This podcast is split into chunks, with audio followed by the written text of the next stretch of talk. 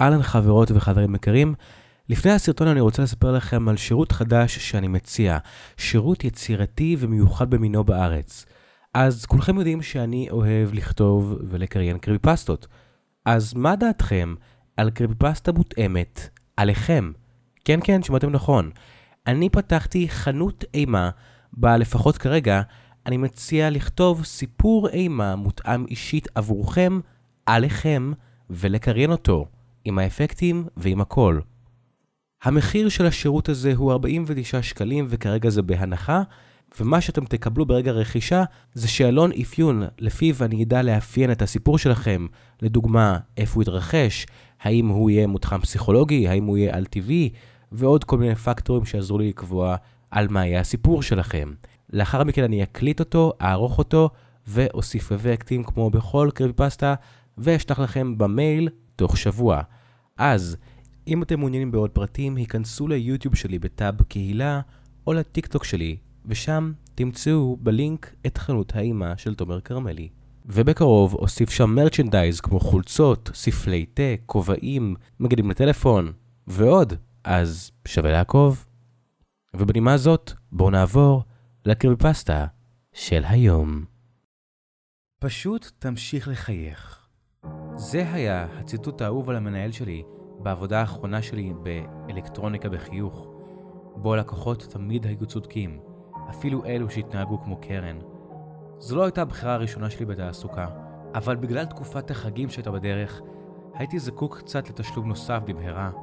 עבור ההורים שלי, לעולם לא אוכל להתחרות באחים היותר מוצלחים שלי ולקנות להם משהו יקר כמו מכונית, אבל אולי השנה אני אוכל להשיג להם כרטיס מתנה. לעזאזל, אולי אפילו מנוי חודשי למועדון כושר. למרבה המזל, לא הייתי העובד היחיד שמחייך בחנות המאושרת ביותר בניו-המפשר. איתי היו עוד כמה עובדים שעזרו לי להעביר את הזמן ביחד בארמון האומללות. העובדת האהובה עליי, כמובן, הייתה אביגייל. היא עזרה לי כשהתחלתי בעבודה ותמיד הייתה לה איזה הערה סרקסטית כדי להעיר לי את היום. זה גם עזר שהיא הייתה ממש מהממת. וקצב הלב שלי הוכפל מאהבה בכל פעם שיצרנו קשר עין. אני רציתי לאזור אומץ ולשאול אותה אם היא רוצה לצאת כבר כמה שבועות, אבל... אבל כמו רוב ההזדמנויות בחיי, כנראה הייתי נותן לזה לחלוף על פניי ולשחק בקונטר סטרייק, או לצפות בנטפליקס בדירה שלי במשך הזמן שנדרש בשבילי כדי לשכוח את זה.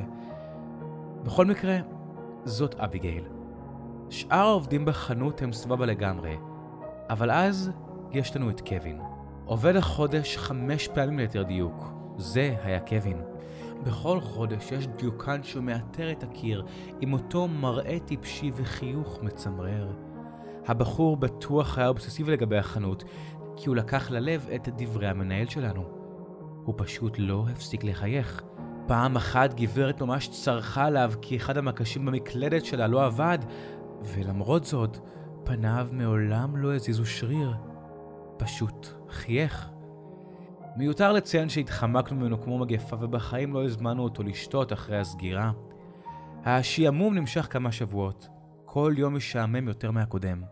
ואז, לילה אחד, המנהל שלנו החליט לפנק את עצמו במשמרת קצרה.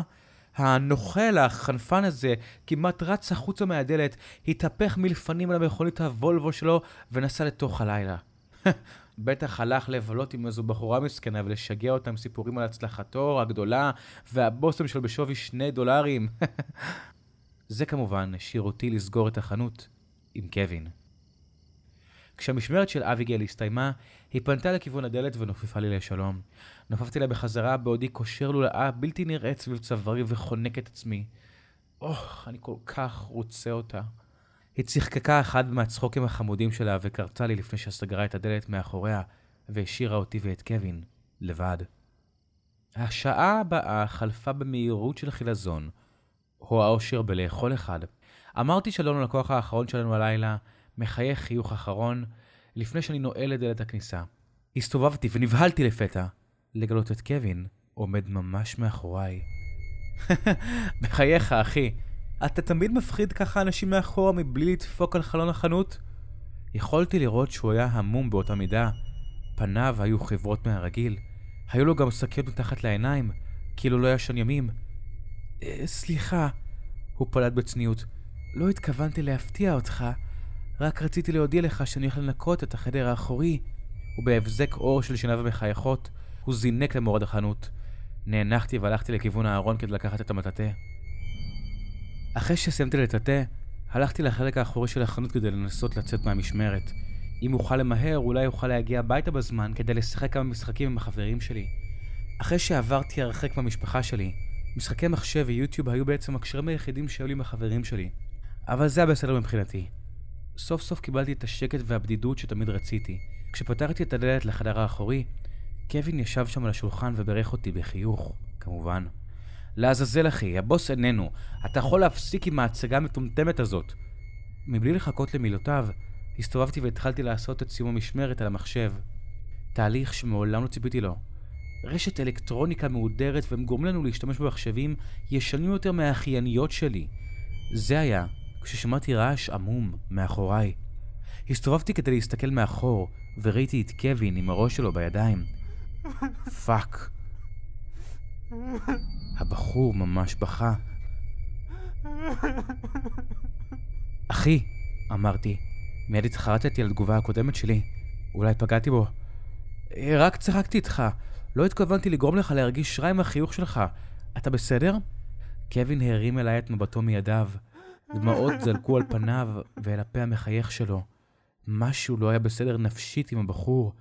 אני מצטער, הוא אמר בין יבבות הבכי. אני לא רוצה להיות ככה. אני פשוט... אין לי ברירה אחרת. למה אתה מתכוון? שאלתי. אם אתה לא אוהב לעבוד כאן, אתה יכול לעזוב. תטיל את עצמך כל עוד אתה יכול. פגשתי אותו בחצי חיוך כדי לנסות להרגיע את המתח בסיטואציה. אתה לא מבין, הוא... הוא תמיד צופה. מי? הבוס? תקשיב, אני יודע שבחור קריפי ומצמרר ומוזר וזוכר אותו אלקטרוניקה, אבל זה לא כאילו הוא יושב בבית וצופה בנו במצומות ההבטחה שלו. לא, לא הוא, אמר קווין בבכי בזמן שהוא מכסה את פניו עם ידיו. הוא לחש. ה... האיש הצוחק.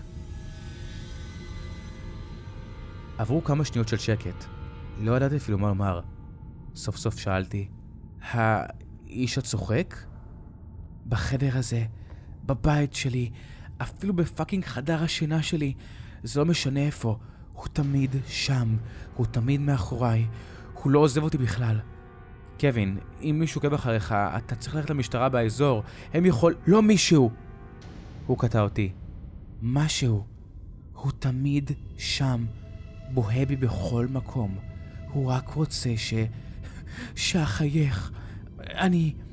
אני אפילו לא יודע מה הוא יעשה אם אפסיק, אבל אני לא יכול לסבול את זה יותר. הוא סיים בשקט. לא ידעתי מה לומר לו. זה היה כאילו קווין עבר התמוטטות רגשית. הושטתי יד והנחתי את ידי על כתפו כדי לנסות לנחם אותו. תקשיב, אני באמת רוצה לנסות להאמין לך, אבל מה שאתה אומר לי נשמע קצת מטורף. אתה צריך לדבר אולי עם מישהו שאולי יכול לעזור למצב שלך. אחי, מכיר כמה פסיכולוגים טובים ממש שיכולים... אתה אפילו לא מקשיב ומאמין לי! הוא קטע אותי שוב. בסדר, אני אראה לך. קווין הושיט את אצבעותיו הארוכות לעבר פניו והצמיד אותן לחייו. מחזיק את פיו בפנים ישרות. יכולתי לראות אותו נאבק על מנת לשמור את החיוך המזורגג הזה. קווין, אתה לא צריך לעשות את זה. אתה צריך לנסות להירגע. יש מישהו שאני יכול להתקשר בשבילך עבורו? פתאום שמעתי רעש חלש מאחוריי. כשהסתובבתי, גיליתי שהרעש הגיע מאחורי הדלת, וזה המשיך. זה התגבר והתקרב. פניו של קווין התעוותו יותר ויותר, ידיו רעדו, רעש הדשדוש שהגיע לדלת, ואז... נפסק. חלפו כמה שניות של שקט, כשלפתע ידית הדלת החלה להסתובב לאט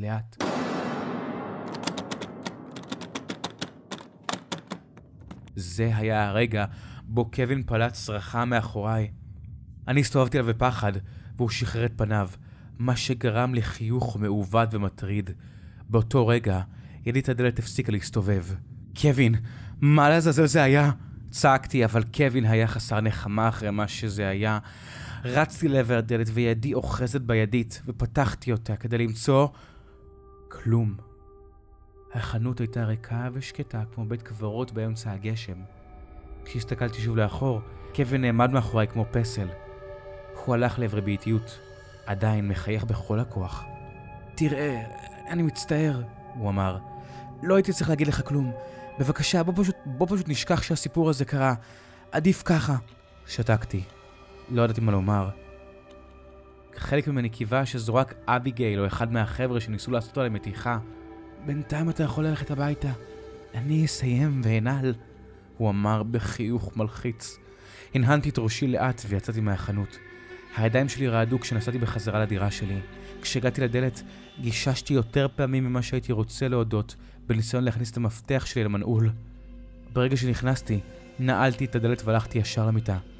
לא משנה מה קרה בעבודה באותו לילה. החלטתי להתעמת עם קווין על זה בבוקר. הבעיה היחידה, שקווין מעולם לא הגיע למשמרת שלו ביום אחרי. 30 דקות אחרי המשמרת של קווין, המנהל שלי נכנס לחנות עם פחות מחיוך על פניו. הוא אמר בתסכול, לא אכפת לי מי הבחור הזה חושב שהוא, אבל הוא לא יכול להבריז מעבודה בצורה שכזו. הוא המשיך עם הכעס אפילו בזמן שעבר על פניי וטרק את הדלת המשרד שלו. נראה כי האיומים של הבוס לא היו מפריעים לקווין, כי הוא לא הופיע כלל בכל היום, או ביום שאחריו, וכך שבוע. שאלתי את אביגיל אם היא או מישהו מהחבר'ה שמעו ממנו, אבל אף אחד לא שמע ממנו. רק כשהמנהל שלי דיבר עם הרשויות, גילינו את האמת. קווין היה מת. ההלוויה הגיעה מהר יותר ממה שחשבנו. כולנו הזמנו למרות שהכרנו את הבחור בקושי. אחרי הכל, באלקטרוניקה בחיוך, כולנו משפחה אחת מאושרת. לא ככה? אז זהו, שלא. כי זה היה נראה כאילו אנחנו המשפחה היחידה שהייתה לקווין המסכן. לפי מה שאני יודע, אף אחד מבני משפחתו אפילו לא הופיע בלוויה שלו.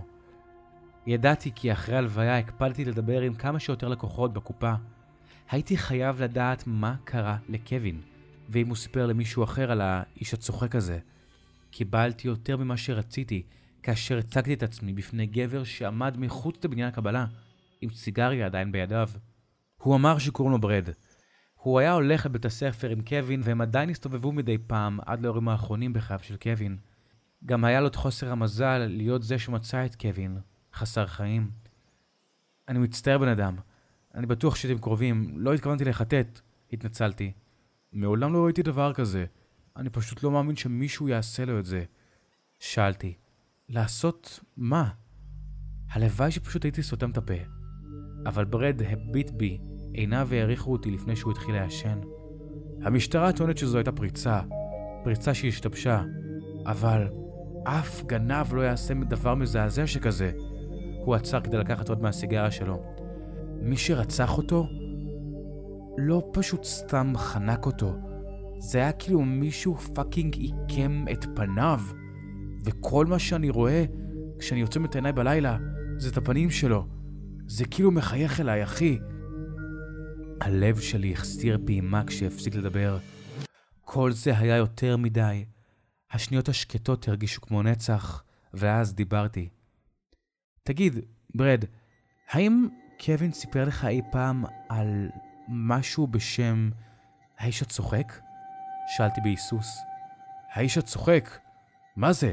לעזאזל. איזו תוכנית כושלת בנטפליקס. חייכתי אליו חיוך חלש ומזויף. אה, לא משנה, תשכח שאמרתי משהו. ושוב, אני ממש ממש מצטער על האובדן שלך. אמרתי, וחזרתי לעולם קבלת הפנים כדי להיפרד.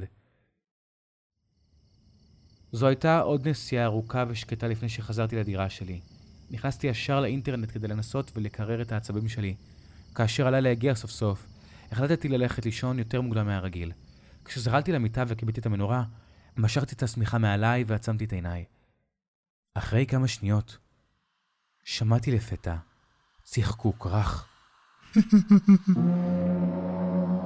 אור הירח שנשפך פנימה דרך החלון האיר את מה שהיה מולי, ואז, ואז העיניים שלי הסתכלו על הארון הפתוח שלי, וזה היה כשראיתי את האימה בעיניים. שיניים ארוכות וחדות כמו סכינים, אור הירח הסתיר חלק מהם, מה שגרם לצורה של חיוך ארוך ומעוות. עצמתי את עיניי, מקווה שזה כאילו רק חלום או שזה רק הדמיון הפרוע שלי, וכשפתחתי את עיניי שוב, השיניים עדיין היו שם, וגרוע מכך, הם החלו לנוע לעברי. ככל שהראייה שלי התבהרה מולי, השיניים פינו את מקומן לשאר הפנים של היצור הזה. יצור גבוה, אור לבן כירח ורקוב, נמתח בכל המקומות הלא נכונים, עיניים אדומות כדם ריחפו מעל פיו, לא ממצמצות בכלל. היצור המזורגג הזה לא מסיט את מבטו ממני. ניסיתי לצרוח, להוציא קול כלשהו מהפה שלי, אבל כלום לא יצא. ניסיתי לזוז, אבל הייתי משותק למיטה מהפחד שהדבר הזה יתקרב אליי. כל מה שיכולתי לעשות זה לעצום עיניים ולהתפלל שהסיוט הזה יסתיים. יכולתי לשמוע את רעש הדשדוש על הרצפה, אותו רעש ששמעתי בחנות עם קווין. פקחתי את עיניי שוב והגליתי את התועבה הזו מתנשאת מעליי, כאילו השטן בעצמו מסתכל עליי. הוא פלט עוד צחוק רך. שיניו החדות נוצצות, וכשהוא הגיע אליי ביד אחת ארוכה ומסוכסת, וחיוורת כירח, עשיתי את הדבר היחיד שהמוח המוזר שלי יכל לחשוב עליו באותו רגע. אני... אני... חייכתי. עיניו של היצור התרככו, כאילו הבין אותי איכשהו. הפה של המפלצת הזו נמתחה אפילו יותר ממה שבן אדם יכול לחייך, וכאשר מצמצתי, הוא נעלם. הוא נעלם לחלוטין. סוף סוף הצלחתי לשבור את השיתוק, והזזתי את מתג המנורה שלי. עיניים מסתכלות סביב החדר השינה שלי, וזיעה ניטפת מהמצח שלי. וכשהדופק שלי התחיל להירגע, הבנתי שאני עדיין מחייך. ניסיתי לתת לשרירי הפנים שלי להירגע ולהסדיר את הנשימה, אבל ברגע שהורדתי את החיוך, שוב שמעתי את זה, את הצחקוק המטריד שנמצא ממש מחוץ לדלת חדר השינה שלי. רעש הדשדוש שוב החל, והנוכחות של היצור הכריעה אותי. אלוהים, עכשיו הבנתי. אני חייב להמשיך לחייך כדי להרחיק אותו ממני. הפה שלי נמתח לחיוך גדול ומאולץ, והרעשים מחוץ לדלתי פסקו מיד. לא ידעתי מה לעשות. איך יכולתי לחייך מתוך שינה? ואז, ואז רעיון צץ לפת במוחי, ורצתי לעבר המטבח. בטירוף פתחתי את אחת המגירות, ומצאתי את סרט האריזה שרכשתי מהעבודה. קראתי שתי פיסות סרט, והדבקתי אותם על הפנים שלי. הסתכלתי במראה בחדר האמבטיה, ובאמת, הסרט החזיק את הפה שלי בצורה של חיוך. העמדתי את זה למבחן, ואפשרתי לפנים שלי להירגע ככל האפשר. לא היו רעשים. היצור לא היה שם. כשחזרתי למיטה שלי, חלפו כמה שעות ארוכות של שקט, עד שסוף סוף הצלחתי להירדם. עברו שלושה שבועות מאז אותו לילה מזעזע, והשגרה שלי השתנתה. מאז אני מחייך כל יום וכל לילה בעזרת סרט אריזה. הלילות ארוכים, ומדי פעם אני לוקח את ההזדמנות להעז לו לחייך. אבל, כמו שעון, אני תמיד שומע את זה. את צחוק הארור הזה. זה תמיד שם. זה תמיד צופה בי. מחכה. שאפסיק לחייך. הוא רוצה שאני אחייך. הוא רוצה שאמשיך לחייך לנצח. הייתי כל כך לחוץ, שאפילו פספסתי את חג המולד עם המשפחה שלי. הם כנראה חושבים שאני לוזר, אפילו יותר ממה שהם חשבו קודם. גם החבר'ה בעבודה הפסיקו להסתובב איתי. הם חושבים שאני סוג של פריק שמנסה להחליף את קווין. אביגיל לפעמים מדברת איתי רק כשהיא חייבת, ואני לא מאשים אותה. אבל עם זאת, לא הכל היה כזה גרוע. הפכו אותי לעובד החודש בדצמבר האחרון. אז כמו תמיד, אני פשוט ממשיך לחייך. פשוט ממשיך לחייך. פשוט ממשיך לחייך. ואני גם מציע לכם לחייך. טוב, אין לכם ברירה. כי הוא מסתכל עליכם עכשיו, ברקע, בצד של החדר, או אפילו מאחוריכם.